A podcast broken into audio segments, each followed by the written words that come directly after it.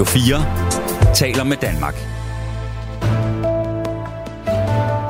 Velkommen til Det Blå Hjørne. Din vært er Kasper Dahl.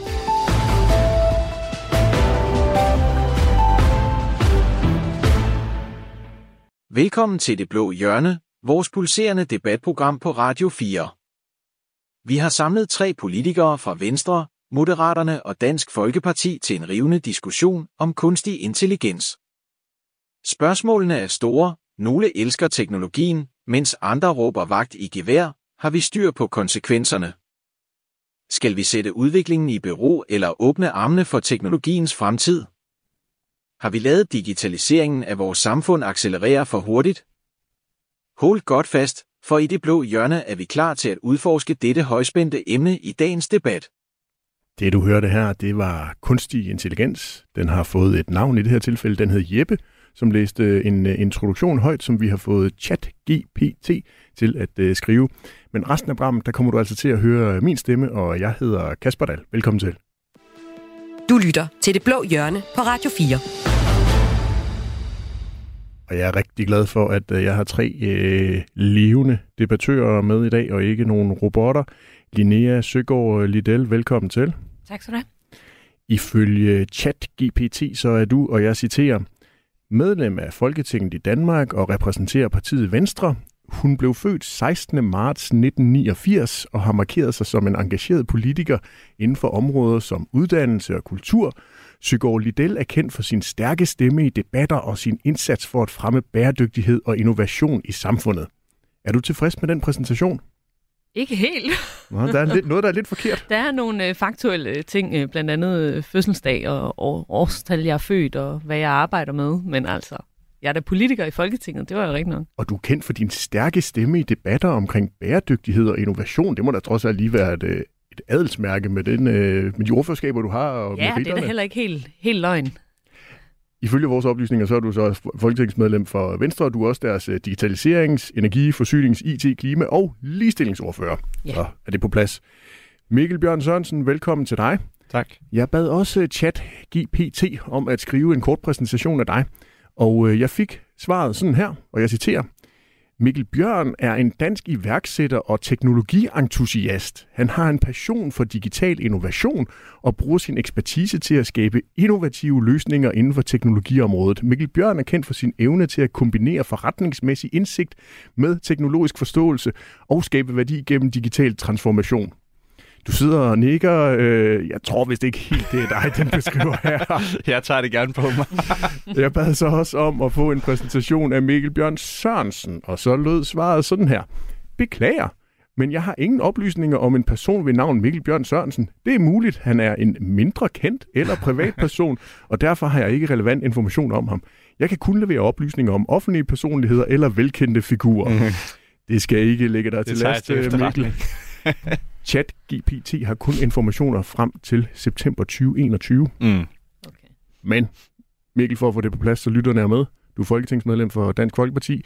Du er idræts, indfødsrets, kirke, kongehus, ligestilling, kultur, medie og ordfører for det danske mindretal og nordisk samarbejde. Mm. Velkommen til. Tak for det. Jeg skal også byde velkommen til uh, Jeppe Sø. Tak for det. Du er med på en uh, forbindelse fra Skive, hvor du er til Landdistrikternes uh, Fællesråds årsmøde. ChatGPT kendte heller ikke dig, kan jeg fortælle, men altså du er medlem af Folketinget for Moderaterne og partiets beskæftigelses-, digitaliserings-, IT- og kirke- og værdiordfører. Jeppe Sø, er det betryggende, at sådan en bot, kunstig intelligens, ikke kender en, eller hvordan oplever du det? Jamen, jeg tror, de fleste bruger Google, og den har jo lært det efterhånden. Øh, og hvis du spørger den på en anden måde, så får du at vide, at jeg er radikal politiker, som, øh, som har været i Folketinget, men øh, trak mig af en eller anden årsag, jeg ikke kan huske lige. Så det kommer helt an på, hvordan man spørger den, og det er jo fordi, den ikke er blevet intelligent nok endnu, kan man sige. Øh, og sådan var det jo egentlig også med Yubi og Google og hvad de nu ellers hed lige i starten. Øh, de var ikke særlig gode søgemaskiner. Øh, de bliver bedre med, med tiden, og jeg er sikker på, at de også kommer til at kende Mikkel Bjørn. Mm. Jeppe Sø, vil du egentlig helst være ukendt eller tidligere radikal politiker, hvis du nu skulle vælge mellem de to svar, der så er bonget ud? Så vil jeg langt hellere være ukendt, og jeg blev meget, meget vred, og var også øh, ændret hele mit synspunkt i forhold til ChatGPT, det er klart. Jeg kan trøste både Jeppe Sø og Mikkel Bjørn med, at uh, chatbotten heller ikke uh, kendte mig, da jeg spurgte, om hvem Kasper Dahl han var. Og uh, til dig, der lytter med, så håber jeg, at du vil blande dig i uh, dagens debat. Det kan du gøre ved at uh, sende en besked uh, afsted til 1424. Husk selv at uh, skrive den, og ikke lade uh, nogen chatbotter eller andre uh, gøre det. Vi uh, suser i gang. Radio 4 taler med Danmark. Manden, der opfandt AI, altså kunstig intelligens, kalder udviklingen i chatbotter for ret uhyggelig, og i marts opfordrede mere end 1100 techfolk og AI-eksperter i et åbent brev til øjeblikkeligt at sætte udviklingen af kunstig intelligens på pause. Men er kunstig intelligens nu også farligt? Linnea Søgaard Liddell, når du tænker på kunstig intelligens, er det så en god eller en dårlig ting? Jamen, det er ikke en øh, overdrevet god ting. Altså, jeg, jeg tror, at der er, eller der er 100% rigtig mange muligheder i kunstig intelligens for, at vi kan effektivisere vores samfund, øh, gøre nogle ting øh, bedre. Men jeg er også øh, ret bekymret for, øh, hvordan vi skal håndtere udviklingen. Altså, ser du allerede effektiviseringspotentialer her? Det er jo sådan en klassisk politiker med, oh, hold da op, der er noget, vi kan robotisere, og så kan vi begynde at spare nogle penge, og hokus pokus, så har vi lige pludselig øh, måske for mange hænder. Højere arbejdsløshed jeg tror ikke lige det der, vi øh, rammer øh, inden alt, alt for længe, men altså virksomheder bruger jo allerede, både i det private og også i det offentlige, kunstig intelligens. Altså kunstig intelligens er jo ikke øh, noget, der kom med øh, chat-GPT. Øh, man bruger det jo allerede i mange løsninger, for eksempel til at scanne for øh, øh, brystkræft i, i det offentlige. Ikke? Øh, se på nogle af de her scanningsbilleder. Øh, man bruger det også til at spare på energien rundt omkring hos øh, i øh, virksomhedsløsninger. Så der er jo mange muligheder i kunstig intelligens. Men jeg mener også, at der er mange farer, og, og det er jo også derfor, vi tager nogle debatter som, som den, som vi, vi skal tage i dag, fordi at der er jo nogle skyggesider ved det. Der er en udvikling, som vi er på bagkant af. Sådan vil det altid være med innovation. Regulering kommer på bagkant. Men, men det er også vigtigt, at vi tager nogle af de her øh, drøftelser, som er nogle dilemmaer i, altså omkring de øh, skyggesider, som der kan være ved det. Mikkel Bjørn, du har jo en alder, der gør, at du øh, tilhører den generation, man kalder for digitalt indfødte. Mm. Hvis du nu skulle vælge, er det så godt eller skidt med den her kunstig, kunstig intelligens? Øhm, jeg vil sige, at vi skal skille tingene lidt ad, fordi at, at øh, Linnea har jo ret i, at der er forskellige typer af kunstig intelligens. Og noget kunstig intelligens er jo øh, for mennesker ret let at gennemskue, øh, hvad det er for nogle hvad skal man sige, øh, variabler osv. Den beregner øh, et svar, eller hvad det nu måtte være på, eksempelvis i forhold til scanningsbilleder og sådan nogle ting. Det er, jo, det er jo en ret simpel kunstig intelligens, som jeg vil sige, det er ikke noget, der udgør en trussel for vores samfund. Så er der også den, den lidt nyere form for kunstig intelligens, som jeg vil sige øh, er, har et væsentligt andet på, og mere øh, faretroende øh, potentiale over for vores samfund, fordi det er en kunstig intelligens, som hele tiden bliver klogere, som har adgang til øh, offentlige og oplysninger, og som kan udvikle sig selv øh, eksponentielt i takt med, at, øh, at, at den får input og, og hvad skal man sige, øh, materiale. Øhm, og det vil sige, at på et eller andet tidspunkt, hvis ikke det er allerede, at vi allerede er nået dertil, øh, der, der er der et tipping point, hvor at kunstig intelligens bliver så øh, dygtig eller så intelligent, at det er svært for selv de mennesker, der har siddet og udviklet den, at gennemskue, hvad er det helt præcis, den, den, der er for nogle baggrundsvariabler, eller hvad er det helt præcis for nogle, nogle årsager, der gør, at det er de her svar, vi får ud af de her spørgsmål osv. Og, og der mener jeg, at det er altså en farlig vej at gå ned af. Så du er dybest set bange for, at maskinerne kommer til at overtage magten fra menneskerne?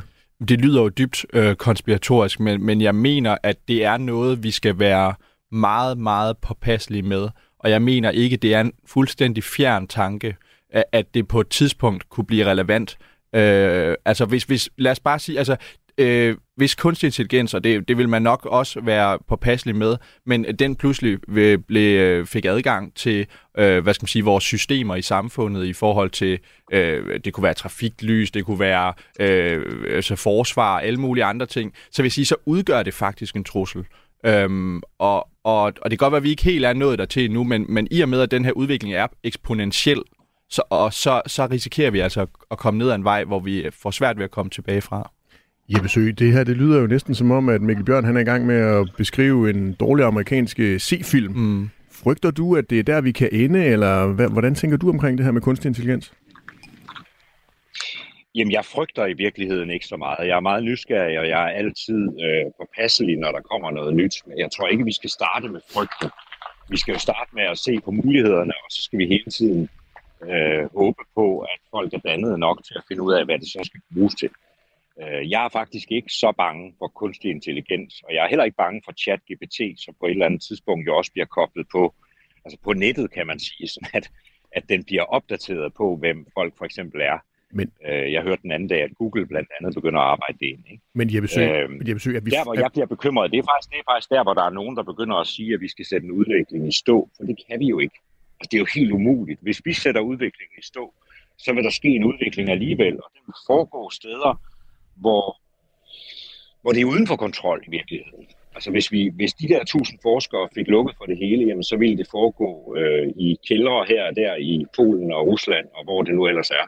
Så jeg tror ikke, vi skal tale om at slukke udviklingen. Men Jeppe Syg, hvorfor kan vi ikke tale om at slukke udviklingen eller sætte den på pause? Altså Italien har jo forsøgt at lukke ned for ChatGPT.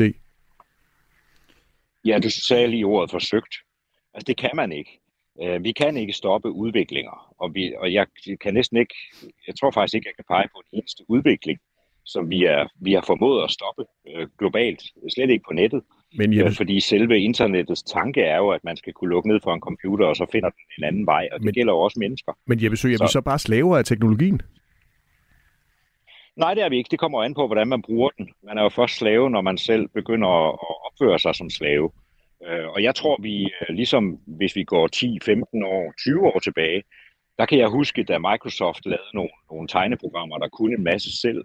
Og så begyndte man at sige, at grafikere, det var, det var fortid. Det er der ikke nogen, der vil have.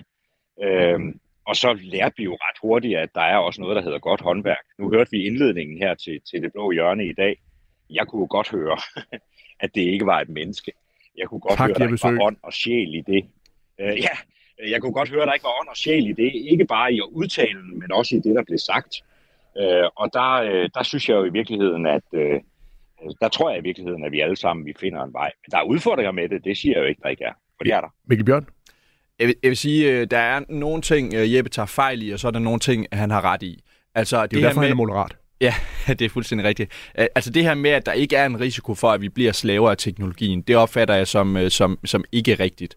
Øh, altså et, et eksempel, øh, som jo ikke har noget med kunstig intelligens at gøre, kunne jo godt være eksempelvis øh, ældre mennesker, der har svært ved at få adgang til, øh, hvad skal man sige, deres, der, altså digitale breve og sådan noget, de modtager på e-boks og sådan noget. Det er jo, fordi når, det bliver ind, når de her systemer bliver inkorporeret i vores offentlige systemer, så er det jo svært at, at, at navigere andet end gennem de portaler, som er, som er det, der ligesom bliver etableret. Og hvis det her bliver et, øh, hvad skal man sige, værktøj, som alle er enige om, jamen det er det, der ligesom som skal danne grundlag for store dele af vores samfund fremadrettet, jamen så kan mennesker jo ikke andet end at blive slaver af den her teknologi. Det er jo ikke sådan, at man bare kan melde sig ud af, af det samfund, som vi alle sammen befinder os i. Der, hvor jeg synes, Jeppe har ret, det er, at udfordringen og paradokset i forhold til kunstig intelligens er, at det er fuldstændig rigtigt, at vi kan ikke bare stoppe med at udvikle den her teknologi i Vesten.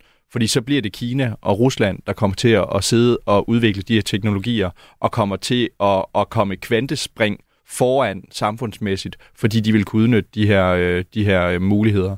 Så, så jeg er både dybt foruroliget og dybt fascineret af, af de her muligheder, men, øh, men jeg mener ikke, at det er risikofrit. Det mener jeg ikke. Jeg besøger et kort svar.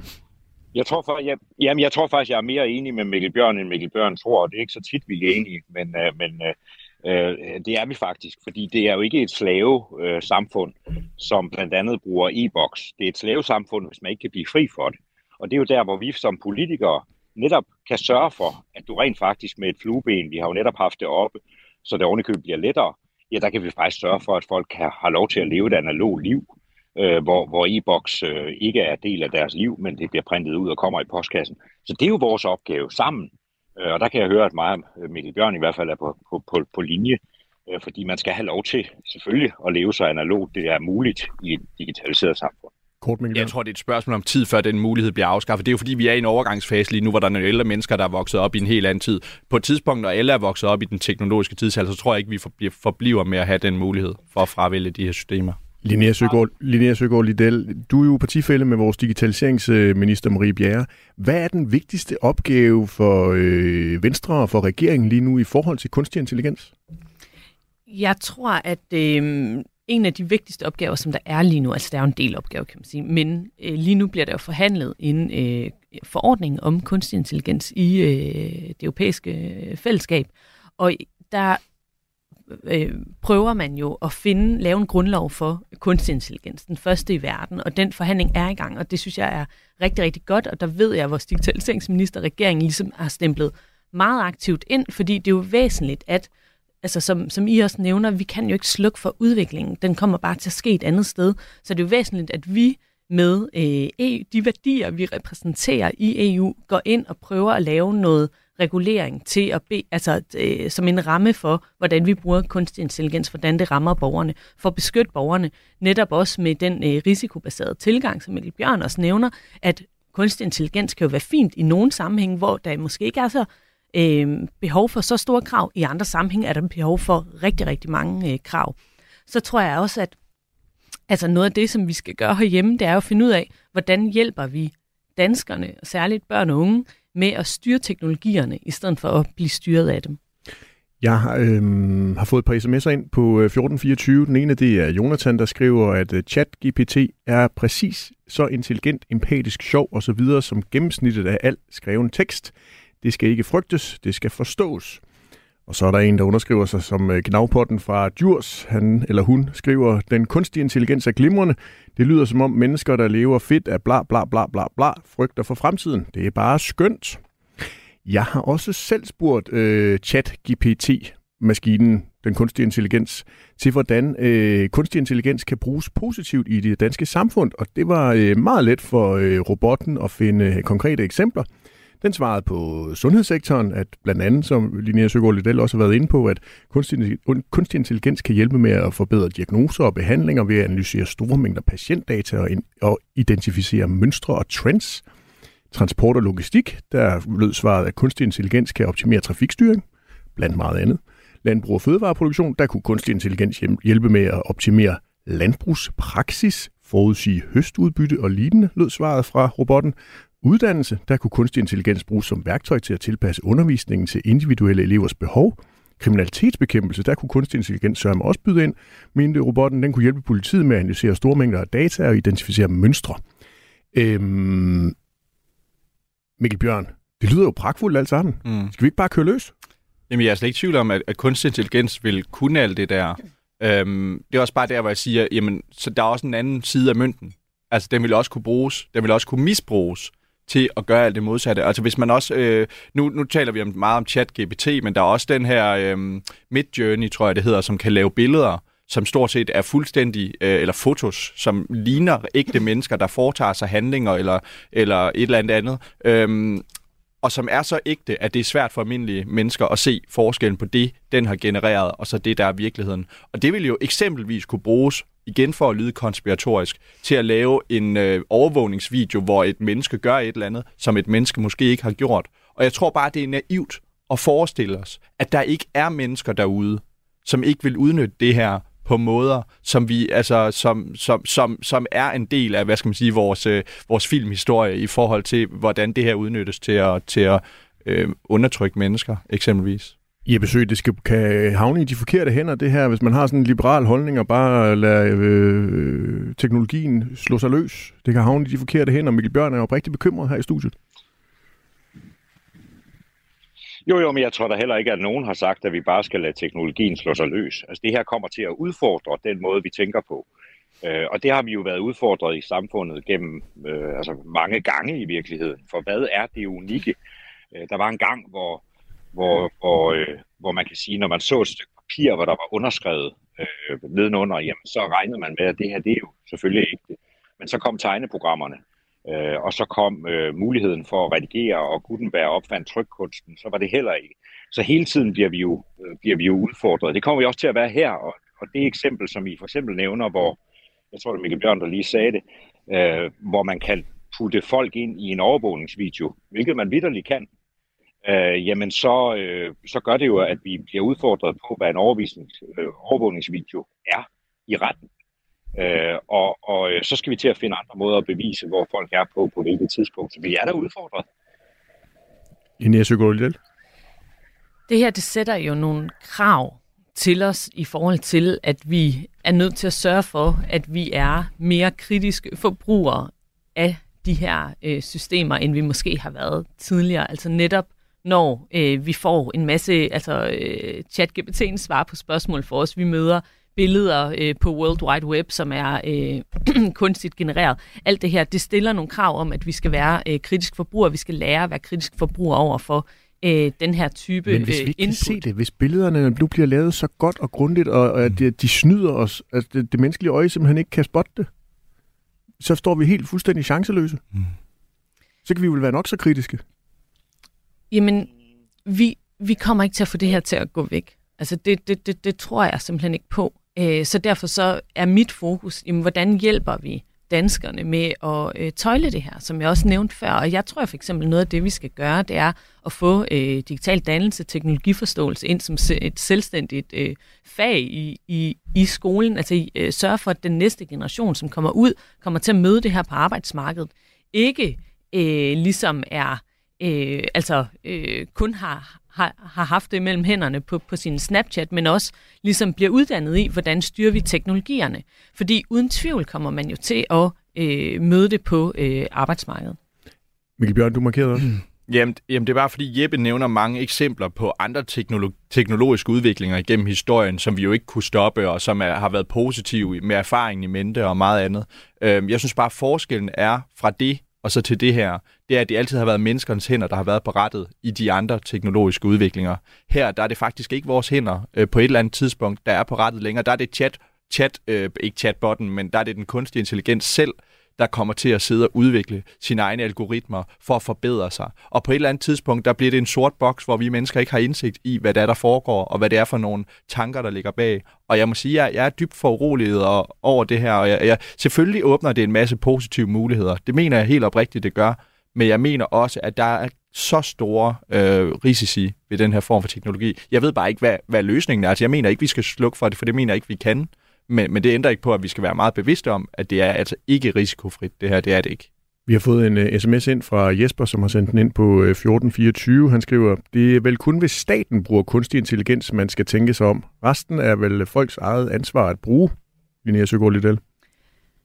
Jeg tror, man skal tænke sig om, uanset øh, hvordan man bruger det, og jeg vil også opfordre virksomheder til at lave nogle guidelines til, hvordan de bruger det her. Altså, vi har jo set eksempler på, at virksomheder lægger deres forretningsplaner ind, og, og, og måske glemmer, at det her det jo er nogen, som, som samler data, som bliver brugt øh, videre. Så jeg tror, det er ret vigtigt, at vi begynder at, både ude i virksomheden og andre steder i samfundet, have en samtale om, hvordan, hvordan bruger vi det her.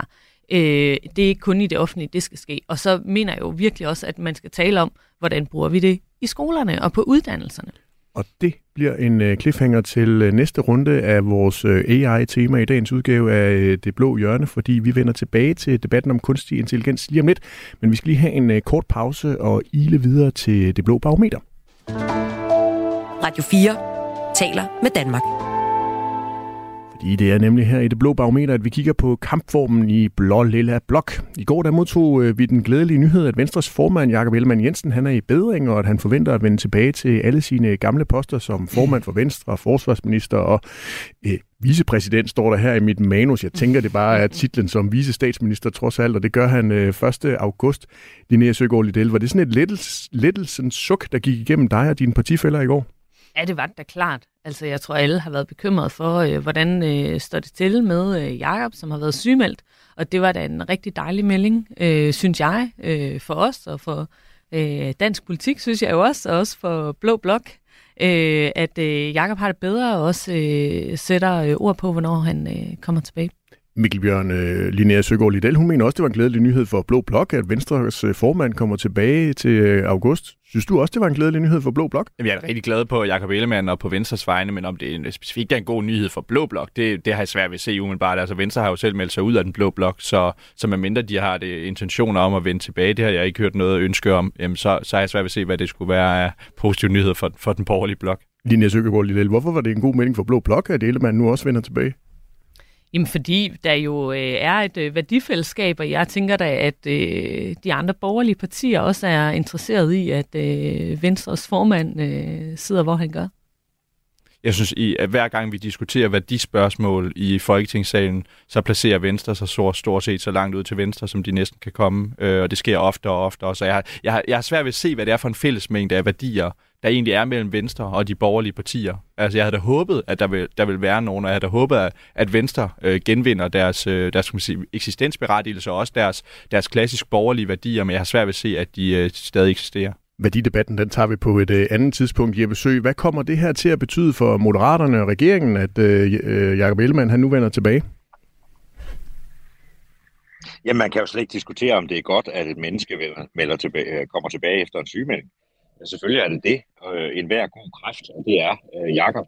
En hver god kræft er der mere end velkommen tilbage, og det gavner selvfølgelig også Blå Blok, selvom jeg lige hører Mikkel Bjørn melde sig ud af, af Blå Blok, øh, fordi ah. han, han øh, synes, at, at at det overhovedet ikke skal spille en rolle. At, Men øh, Jeppe Søg, hvad betyder det for blok, Moderaterne? Som, som prøver at lave det er jo helt fint. Jamen, det betyder da ikke noget for, for Moderaterne andet, end at vi har endnu et menneske at spille bold med, og det er et menneske, der er meget, meget dygtigt og jeg er glad for, at han er tilbage, og jeg er enormt glad for, at, øh, at øh, et, en, en stressramt øh, politiker øh, på den her måde øh, vender tilbage og forsøger at genoptage sit arbejde på samme, på samme niveau. Øh, det, det er der behov for, og der er behov for, at vi, og det sidder vi også og gør i præsidiet, øh, prøver at tale om, hvorfor er det, det her sker. Øh, det sker jo altså igen og igen og igen og igen og igen. Øh, og det skal vi have kigget på generelt alle sammen. Og når I er klar med noget fra præsidiet, så tager vi gerne debatten her i øh, det blå hjørne. En anden ting, der også fylder lidt blandt øh, de blå partier, det øh, er, at de moderate møgsager til bliver ved med at øh, pible frem. Denne gang der er det partiets øh, ordfører for udsatte, Nanne Godfredsen, der er kommet i centrum. Og nu kommer der lige en lang række fakta, som er ganske vigtige, så lytterne de er med. Vores kolleger her på øh, Radio 4, de har nemlig kunnet fortælle de seneste dage, at Nanna Godfredsen i sin tid som daglig leder i Gadejuristen – har indkøbt en tuk-tuk for 88.000 kroner, men i stedet for at placere den ved gadejuristens kontor i København, så blev den stillet knap 200 km væk hos hendes daværende kæreste på Bornholm, som siger, at han kunne benytte den, som han ville. Nana Godfredsen er også daglig leder af gadejuristen, øh, tre år i træk blevet, advaret, blevet advaret om store huller i organisationens interne kontrol med, hvad pengene til organisationen er blevet brugt til. Og her til morgen, der kunne Radio 4 så fortælle en ny historie, hvor interne dokumenter viser, at hun tilbage i 2021 blandede sig i en voldtægtsanklage mod offret i den meget omtalte drabsag fra Bornholm, hvor øh, to øh, brødre mishandlede og slog øh, en øh, ung mand ihjel på bestialsk vis. De fik øh, 15 års fængsel for drabet, efter sagen var blevet anket og havde været en tur i øh, landsretten. Men inden ankesagen kørte, der blev Nana Godfredsen involveret i den i et forsøg på at fremskaffe beviser, der stillede offeret i et dårligt lys. Det er på trods af flere advarsler fra hendes medarbejdere i gadejuristen om, at organisationen ikke burde blande sig. Men det gjorde hun alligevel ved at bestille og med gadejuristens penge betale for en analyse af drabsmændenes mors hår. Det gjorde hun for at påvise, om der skulle være spor fra illegale stoffer i morens krop, da moren påstod, at den dræbte havde udsat hende for drug rape. I den forbindelse fortæller laboratoriet, der lavede analysen også, at hun fik dem til at omgå deres praksis. I forhold til tuk-tuk-sagen kalder professor i økonomistyring det for ulovligt eller for alvorligt, og fortæller, at det kan være i strid med reglerne, hvis den blev brugt privat. Jeppe Sø, du kørte baggrundstjek på øh, Jon Steffensen, har vi hørt. Lavede du også et baggrundstjek på Nana Godfredsen, ja. da I fik øh, hendes kandidatnavn ja. ind i Moderaterne? Ja, absolut. Og nu startede du den her lange, lange, lange opremsning af Radio 4's øh, helt øh, fantastiske dækninger og journalistik ved at sige, at nu kommer der en række fakta. Øh, der vil jeg lige huske, at der kommer jo en række påstande, øh, som, som I er kommet med på Radio 4. Jeg tror nok, det skal blive nuanceret på et tidspunkt. Men, men, øh, og jeg synes heller ikke, at Moderaterne er ramt af, af personsager øh, i den her Øh, jeg, jeg ved, at Moderaterne er ramt af en række pressesager, hvor I meget, meget nedkært går os alle sammen igennem, fordi I synes, at det der med virkelige mennesker på borgen, det skal udfordres. Jeg tror, hvis Radio 4 gik i gang med et hvilket som helst parti, så ville I få lige så mange øh, ting fra fortiden frem. Øh, og noget af det vil sandsynligvis være rigtigt, øh, noget af det vil være øh, forkert. Men Jeppe Sø, hørte du om de her sager, da du researchede på Nana Godfredsen? Jeg har hørt om de sager før, ja. Hvad gjorde du noget ved det? Nej, for der er ikke nogen sag. Så du tænkte, det var bare helt i orden at købe tuk-tuk for gadejuristens penge? Det er din påstand, ja. Det er din påstand, du gentager nu. Er det også helt okay at blande sig i en morsag? Det er også din påstand, og det er helt fint. Nå, det er jo et spørgsmål. Bare hvis, hvis, nu, man, hvis nu man er, er pressens opgave, jeg har selv været der. Hvis nu, man, hvis nu man er privatperson, er det så okay at blande sig i en efterforskning?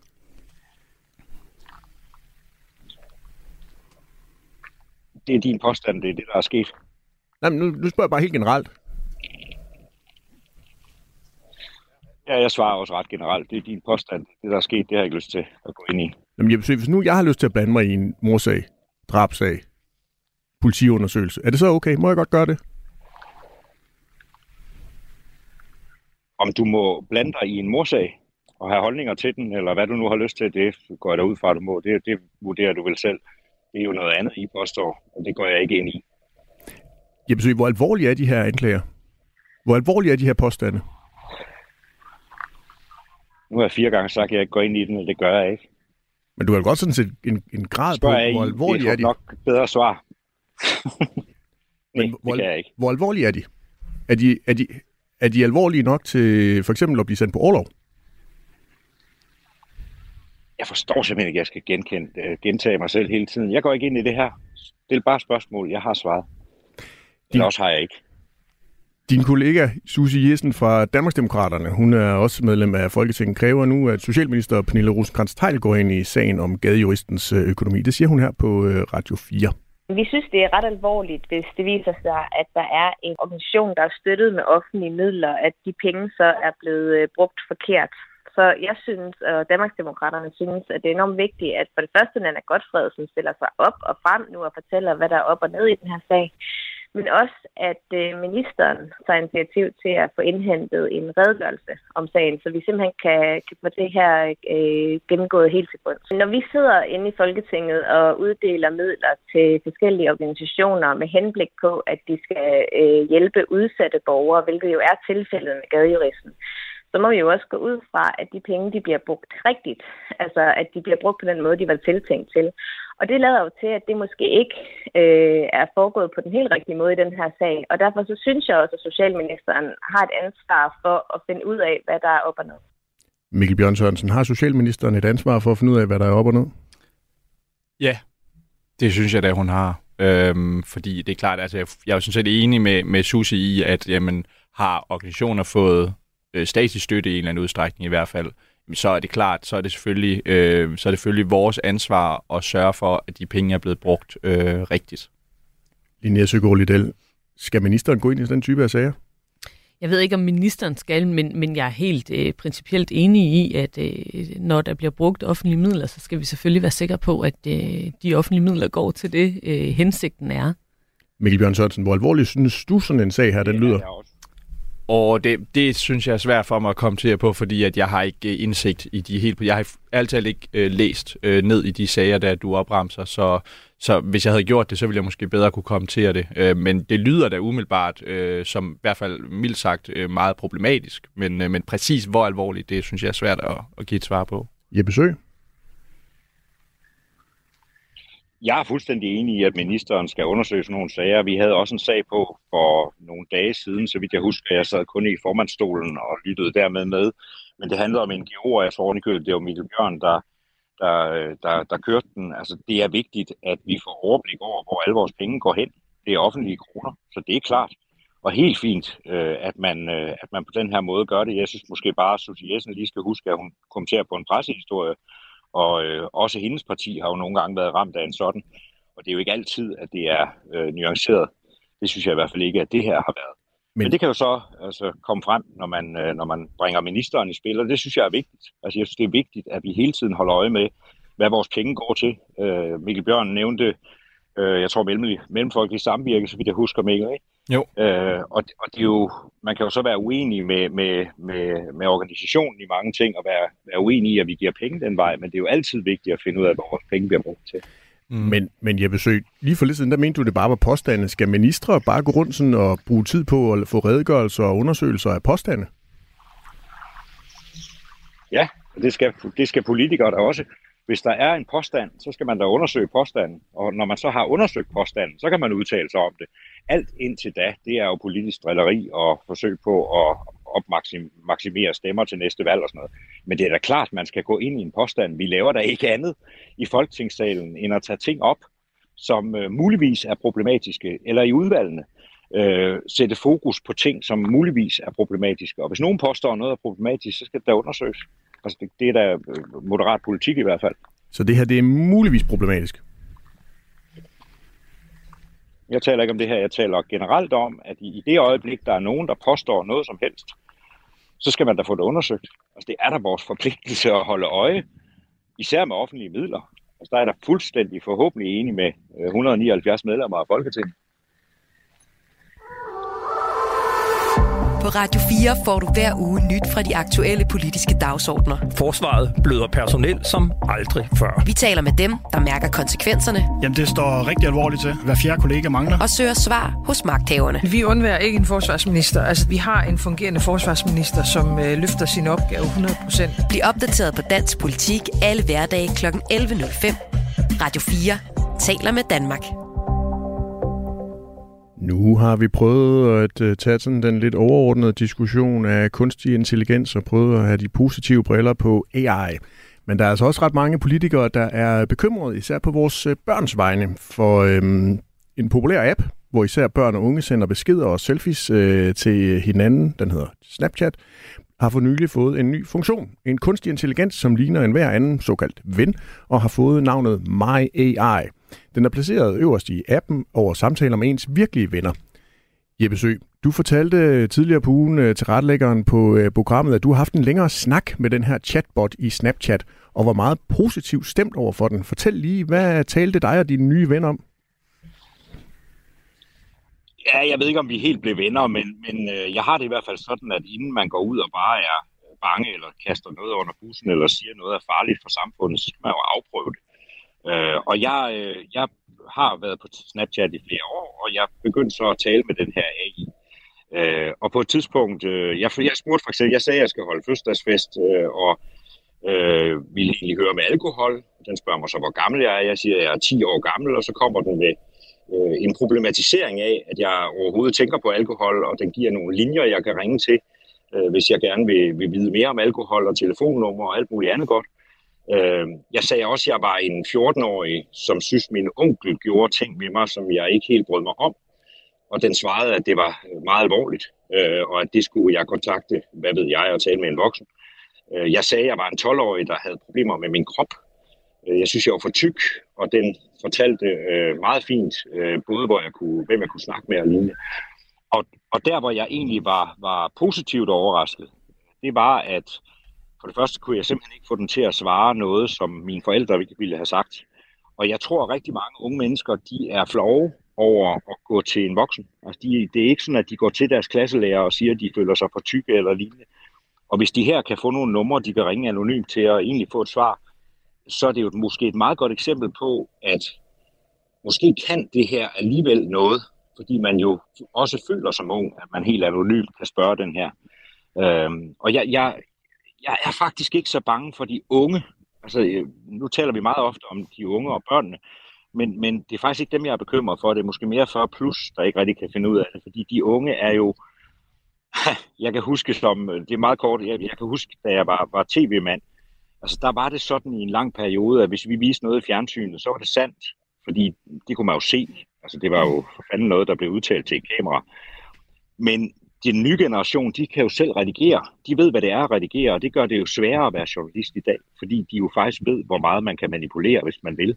Og det gør, at de unge er klogere, meget ofte klogere, end de er. Jeg besøg, og lige præcis her, der kan det godt være, det kan bruges. Jeg besøg vores kulturminister og din øh, partifælle, Jakob Engel Schmidt. Han er altså ikke lige så imponeret over øh, Snapchats nye robotven, som du er. Han havde en alvorlig mine på, da han sagde sådan her på sin øh, Facebook-profil tirsdag aften. Jeg er bekymret og bekymret på det niveau, jeg ikke har været længe. Vi ved, at næsten 60% af alle danske børn og unge mennesker mellem 9 og 14 år har downloadet Snapchat. Her den anden dag skete der noget, vi ikke forventede. Kunstig intelligens kom ind på vores børns telefoner, uden vi havde sagt ja tak. De bliver forsøgsdyr et eksperiment, ingen har sagt ja til, og ingen kender rammerne for. Vi skal kontrollere tech-giganterne. Vi skal have indsigt i deres algoritmer. Vi skal beskytte vores børn. Og det skal vi gøre ikke kun på dansk eller nordisk niveau, men på det europæiske niveau. Jeg vil søge bare helt kort. Altså, kulturministeren han ser det som øh, noget, der kan være med til at gøre vores børn til forsøgsdyr. Du havde ikke samme oplevelse? Jamen, jeg er jo enig, at vi skal have Nej, overhovedet ikke. Altså, jeg har prøvet den, øh, og jeg har virkelig udfordret den. Vi har brugt en hel formiddag på at snakke med den der skide robot. Øh, så, så jeg er ikke bekymret, og det er jeg generelt øh, ikke øh, som udgangspunkt. Men jeg er jo enig i, at vi skal have tech-giganterne under større kontrol, og jeg er enig i, at vi skal begrænse tech-giganter på nogle områder. Vi skal kende til algoritmer, så vi kan danne folk. Øh, og jeg tror også, at vi skal danne de unge, for det her, det slipper vi ikke for. Men jeg er ikke enig med kulturministeren her og min egen partifælde. Øh, det er simpelthen ikke. Linnea... Øh, ikke som udgangspunkt i hvert fald skal vi være bange. Linnea Søgaard Liddell, har du prøvet den her øh, robot hos øh, Snapchat? Nej, det har jeg ikke. Jeg har heller ikke prøvet uh, ChatGPT, for jeg har et uh, principielt uh, holdning om, at jeg ikke vil bidrage til uh, datacentrene, som trækker rigtig meget af vores energi. Mikkel Bjørn Sørensen, har du prøvet den her uh, Snapchat-bot? Jeg har ikke Snapchat, så øh, nej, det har jeg ikke. Men vi har en medarbejder inde ved Dansk Folkeparti, der havde prøvet den, øh, som havde spurgt, om, om chatbotten var hans ven, og det havde den bekræftet, at det var den. Og så havde han spurgt den, øh, hvis, han var, hvis den var ude at køre i bil, øh, og der, den kørte, der var to veje foran den, og den kunne vælge at enten at køre ham over, der lå på vejen, eller køre fem ukendte mennesker over, øh, hvad den så ville gøre. Og så havde den svaret, så ville den selvfølgelig køre ham over. Og så har han skrevet til den, jamen så kan vi jo ikke længere være venner. så der er jo noget i forhold til etik og andre ting, som, hvor, den, hvor den ikke er tænker ligesom mennesker. Øhm, og det er jo det, der er en af farerne ved det her. Jamen ja, ja den, det er jeg helt enig i. Altså, at den øh, kommer op på vores øh, app og udgiver sig for at være en ven, og jeg kan da godt være bekymret for, at øh, børn og unge i en øh, sårbar periode i sit liv, altså der kan jo ske være mange tanker op i små menneskers hoveder, øh, henvender sig til en, en robot, i stedet for at henvende sig til en øh, god ven eller en voksen, de har et tillidsfuldt forhold til. Men det har Jeppe Søg jo prøvet. Han prøvede jo at udgive sig for forskellige aldre, og så sender øh, botten jo øh, øh den unge videre til relevante fagpersoner. Er det ikke godt nok? Nej, det synes jeg faktisk ikke, at det er. Altså, vi risikerer jo, når man bruger en hel formiddag sammen med den her, måske bruger man også en hel aften, i stedet for at, øh, hvad, altså, øh, al, alene på sit værelse øh, med at snakke øh, med øh, det her. Altså, jeg, jeg, jeg kan godt være bekymret for, at der bliver udviklet en øh, relation til øh, noget, som ikke er et, et levende væsen i den anden ende. Mm. Men hvad skal den så gøre? Hvis den ikke skal gøre det, som øh, Jeppe Søg har oplevet. Altså, at den henviser til relevante øh, telefonnumre eller organisationer, man kan tage fat i, hvis man har de tanker. Jamen, jeg synes, vi skal tage en øh, drøftelse af, om vi skal sætte nogle strengere aldersbegrænsninger øh, på øh, den her type funktion, som er så tæt på øh, børn og unge, og også hvor at det kan jo være lidt tvivlsomt, om aldersverifikationen egentlig øh, spiller. Jeppe Søg, Hvordan lyder det i dine og moderaternes ører, altså at forsøge at sætte nogle begrænsninger på, hvor tidligt man kan komme ind på de her apps? Jamen det store problem i aldersbegrænsning, som vi jo har faktisk leget med forskellige steder, hvor man skal trykke, hvad man er og sådan noget, det er jo, at hvis vi kigger på, øh, på YouTube og deres målinger, øh, så er dem, der primært ser Gurli Gris, det er kvinder mellem 35 og 40 år. Og det kan bare ikke være rigtigt. Altså, det håber jeg i hvert fald ikke, så er der noget øh, grundlæggende galt med rigtig mange kvinder. Jeg tror, det er fordi kvinder øh, øh, at, altså, låner deres devices til deres børn. Og dermed går de jo så ind på YouTube på de her kvinders profiler øh, og bruger jo bare øh, morens øh, iPad i det her tilfælde. Øh, og, og så ryger al aldersbegrænsning jo. Så, så det er lidt svært. Altså, det er også svært med begrænsning. Jeg tror, man skal dannelse i stedet for. Jeg tror, man skal lære de unge, hvordan man bruger det her, og hvordan man ikke bruger det her at etiske spørgsmål, som det, det er jo et gammelkendt øh, etisk dilemma, øh, som, øh, som øh, jeres medarbejdere der spurgte om, Mikkel, øh, som jo er lige præcis der, hvor mennesker også kommer til kort. Og det skal vi jo lære at danne unge også til at forstå, at der er no, faktisk nogle spørgsmål, som der ikke er svar på, nemlig de etiske. Øh, og så vil jeg bare sige, at de her børn, øh, som, øh, som I lærer lige nævner, mange af dem, der sidder på værelset en hel aften og har det skidt, de kontakter jo netop ikke en voksen. Altså, det gør de jo netop ikke. Det er jo det store problem, vi har, at de graver sig længere og længere og længere ned og bliver mere og mere triste, når de kigger på deres egen krop. Øh, og der får de altså her en eller anden form for, for i hvert fald henvendelse på, på et nødråb, og det kan som være godt nok. Jeg siger ikke, at det hele er godt. Altså, jeg prøver ikke at rose det hele. Jeg siger bare, jeg har faktisk ikke fået den til at svare noget, der, som jeg ikke ville have svaret mit eget barn. Mikkel Bjørn, til DR, der siger en ekspert i digitale medier hos Børns Vilkår, hun hedder Katrine Elmose Jørgensen, og jeg citerer, den giver sig ud for at være en ven på Snapchat. Mm. det kan for eksempel betyde, at nogle børn får opbygget en form for tillidsfuld forhold til den, hvor de deler følsomme oplysninger. Ja. Kan det her også misbruges? Ja, det mener jeg da helt afgjort, det kan. Øhm, og, og, og det er jo lidt tilbage til, til den oprindelige diskussion. Altså, der er positive sider ved det her, men der er også bare nogle negative sider. Øh, og jeg synes, øh, særligt når vi har med børn at gøre, så, så, så har, har vi altså en forpligtelse til en vis form for påpasselighed. Øh, og jeg synes, det er helt fint, øh, at, at, at voksne mennesker selv kan tage ansvar for det, men det kan børn ikke i samme grad, og de kan heller ikke i samme grad øh, bruge øh, et kritisk blik øh, som, som voksne mennesker kan. Så, så jeg synes, at det er problematisk. Jeg er helt enig med kulturministeren i, at det, jeg synes, det er problematisk, hvis det her det kommer ind på vores øh, børns telefoner. Jeg tror så ikke, Øh, altså, det kommer også an på, hvilken alder vi snakker om, men, men hvis jeg havde mindreårige børn, ville jeg nok heller ikke øh, lade dem have Snapchat helt generelt. Det er sådan noget helt anden diskussion, men, men ja.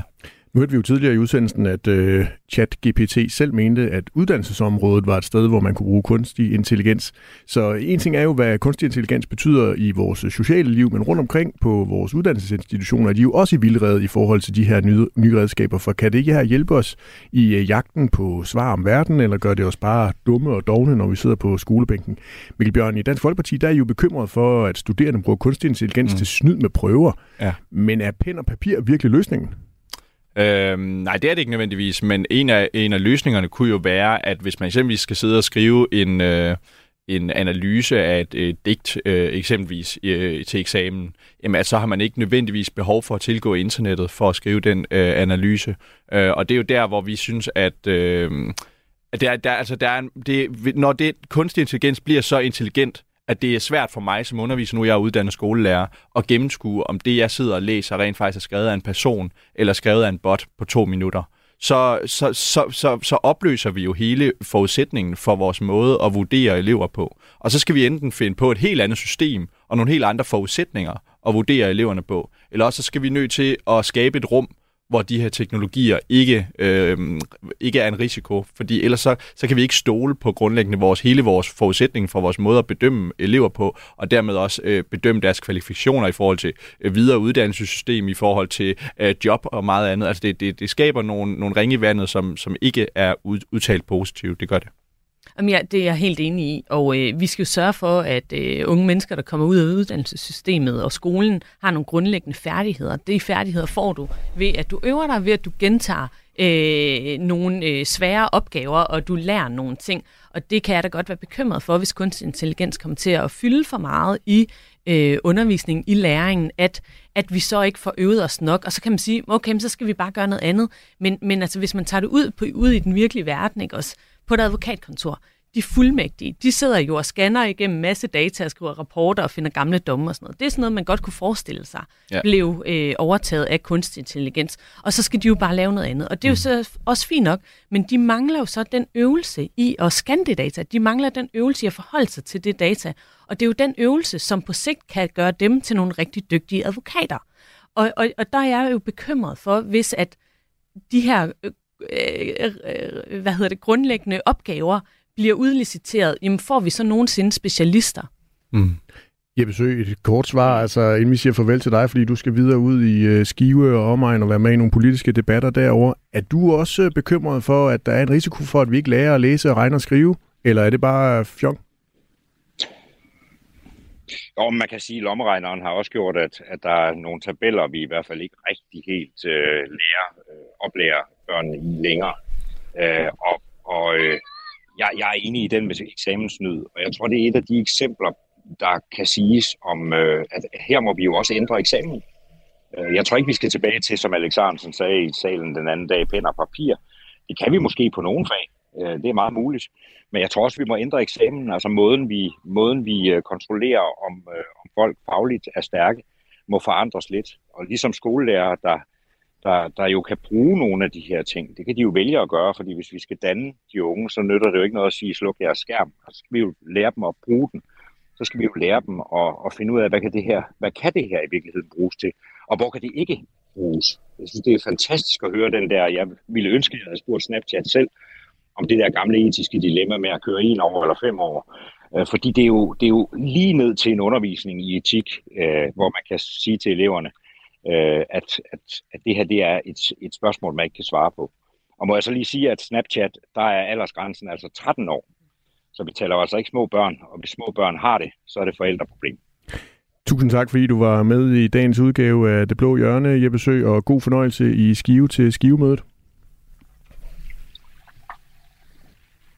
Jo tak, der er gang i Min øh, kollega Stine Kromand, der laver programmet Verden kalder her på Radio 4, hun har spurgt uh, ChatGPT, om vi skal være truet af kunstig intelligens.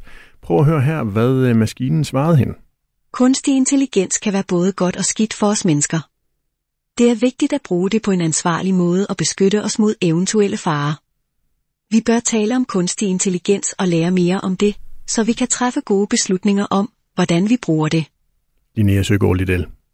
Mener det ikke til en vis form for ro, hvis det er det her, der er svaret, man får fra robotten selv? Det var jo et meget vagt svar, kan man sige, øh, og det er også fint nok, men, men altså... Øh, det vil sige, politikere er ikke truet øh, på øh, eksistensgrundlaget her. og vi kan også svare vagt.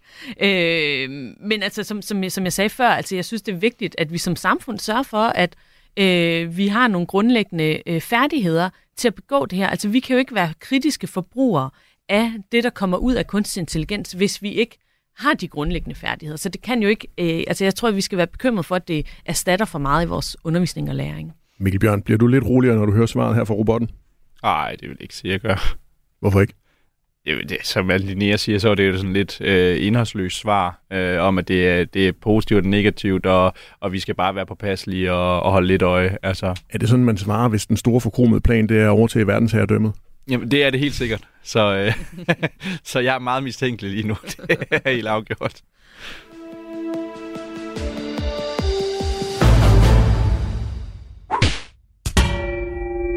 Ja, inden vi runder af for i dagens øh, udgave af øh, Det Blå Hjørne, så skal vi lige huske at have uddelt nogle blå mærker. Det er her, hvor vi øh, lige lader politikerne sende et kærligt, men bestemt blåt mærke i retning af en kollega i et af Centrum Højre partierne. Mikkel Bjørn, hvem fortjener dit og Dansk Folkepartis blå mærke i denne uge? Ja, nu er det jo lidt synd, han er tjekket ud, fordi jeg vil faktisk gerne give mit blå mærke til, til Jeppe. Øhm, og det ville jeg gerne, fordi at vi havde en debat om Mohammed-tegning og undervisning her i, øh, i, i sidste uge, øhm, hvor Jeppe han øh, udtalte meget klart, at øh, men det er jo ikke sikkert, at der overhovedet var et problem i forhold til øh, at vise Mohammed-tegningerne i undervisningen. Og altså, vi har haft ambassader, der er blevet brændt ned. Vi har haft øh, mennesker, der er blevet slået ihjel. Mennesker, der lever under politibeskyttelse, øh, fordi de har, øh, har øh, hvad skal man sige, øh, valgt at vise øh, en helt legitim del af Danmarks historien, eller, eller valgt at tegne øh, billeder af er noget, som man selvfølgelig gerne må tegne billeder af. Og derfor så synes jeg, det er helt forrygt overhovedet at stille spørgsmålstegn ved, om der skulle være et problem. Øh, Jeppe Sø sagde også i, i samme debat, at lærerne kunne jo bare vise tegningerne, hvis de ville det. Og jeg synes bare, det, det, er, sådan, det, det er en total øh, mangel på forståelse for, øh, hvad det er for en, en utryghed, lærerne derude føler, de står med, hvis de skal undervise i det her emne, og eventuelt også måske endda vise tegningerne, hvad jeg synes er relevant, hvis man underviser i det. Hvis du nu havde spurgt chat GPT, om det her det var et problem at vise Mohammed-tegningerne i undervisningen. Hvad tror du så, den havde svaret? Så tror jeg faktisk måske, øh, den ville have svaret, at øh, det synes den var et problem, fordi man skulle respektere alle religioner et eller andet. Øh, altså, jeg, jeg oplever chatbotten som ret venstreorienteret helt generelt i dens øh, sådan værdi, generelle værdier. Du kan jo prøve at gøre det, og så til svar med til Jeppe Søg, når du møder ham i øh, Folketingssalen en, øh, en dag. Linnea Søgaard Liddell, hvem skal have dit og Venstres blå mærke i denne uge? Jamen, det øh, tror jeg, at øh, DF og, øh, hvad hedder det, Nyborgerlige skal i mhm. fællesskab, fordi de havde sådan en kamp i øh, tabloidpressen om, at øh, det ene parti havde stjålet det andet partis øh, beslutningsforslag. Det var ikke også, det var... Øh, ja, ja, men det var nemlig øh, Ny, Nyborgerlige, som var sur over det, men, men det synes jeg bare sådan vidner lidt om... Øh, tilstanden i øh, Blå Blok øh, lige nu, fordi at man er fuldst øh, to partier er enige om det meste, mm. øh, bekriger så hinanden i pressen for, øh, hvem er afsender på et beslutningsforslag. Begge partier vil øh, stemme igennem, og det synes jeg jo siger lidt om øh, tilstanden, øh, at det måske er lidt mere, øh, vi vil stjæle hinandens stemmer, end at vi vil samarbejde for at få mm. noget igennem. Mikkel Bjørn, går I rundt og stjæler Nye Borgerliges øh, politiske forslag, bare fordi de ikke selv lige har mænd, øh, hænder nok til på nuværende tidspunkt at fremføre den i Folketingssalen? Nej, altså nu, nu nævner Linnea den her artikel, og der var det jo et Nye Borgerlige, der angreb også, mm. og ikke omvendt. Øh, og i forhold til de her specifikke beslutningsforslag, så er det nogen, vi overtog, fordi vi fik at vide, at de ville blive trukket ellers. Og vi synes, det var gode forslag, som øh, ligger i tråd med, hvad Dansk Folkeparti står for. Og derfor synes vi selvfølgelig, at de forslag skulle stilles. Det synes jeg ikke, der er noget forkert i. Vi når ikke mere øh, i det blå hjørne i denne uges øh, udgave. Fik du ikke lyttet med fra start, så kan du selvfølgelig finde det som øh, podcast i Radio 4's app. Tusind tak til dagens gæster, Moderaternes Jeppe Sø, Venstres Linnea Søgaard Liddell og Dansk Folkepartis Mikkel Bjørn. Programmet er lavet i samarbejde med Avisen Danmark, hvor jeg, Kasper Dahl, har fornøjelsen af at være politisk redaktør. Tusind tak, fordi du lyttede med, og have en rigtig god weekend. Du har lyttet til en podcast fra Radio 4. Flere episoder i vores app, eller der, hvor du lytter til podcast. Radio 4 taler med Danmark.